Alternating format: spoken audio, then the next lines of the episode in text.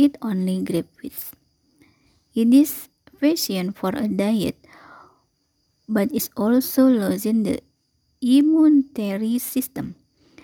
They become more vulnerable, more tired and nervous, and if taking any medication, they are risking their health in this combination. So use this alignment wisely. Go ask a specialist of its precise effect in your case and don't abuse drinking grapefruit juice. Abusing, abusing something, something, abusing something has never brought anything good, and it won't this case either. If you want to go on with your diet and keep your health, find an alternative solution or make sure this do not affect your organism.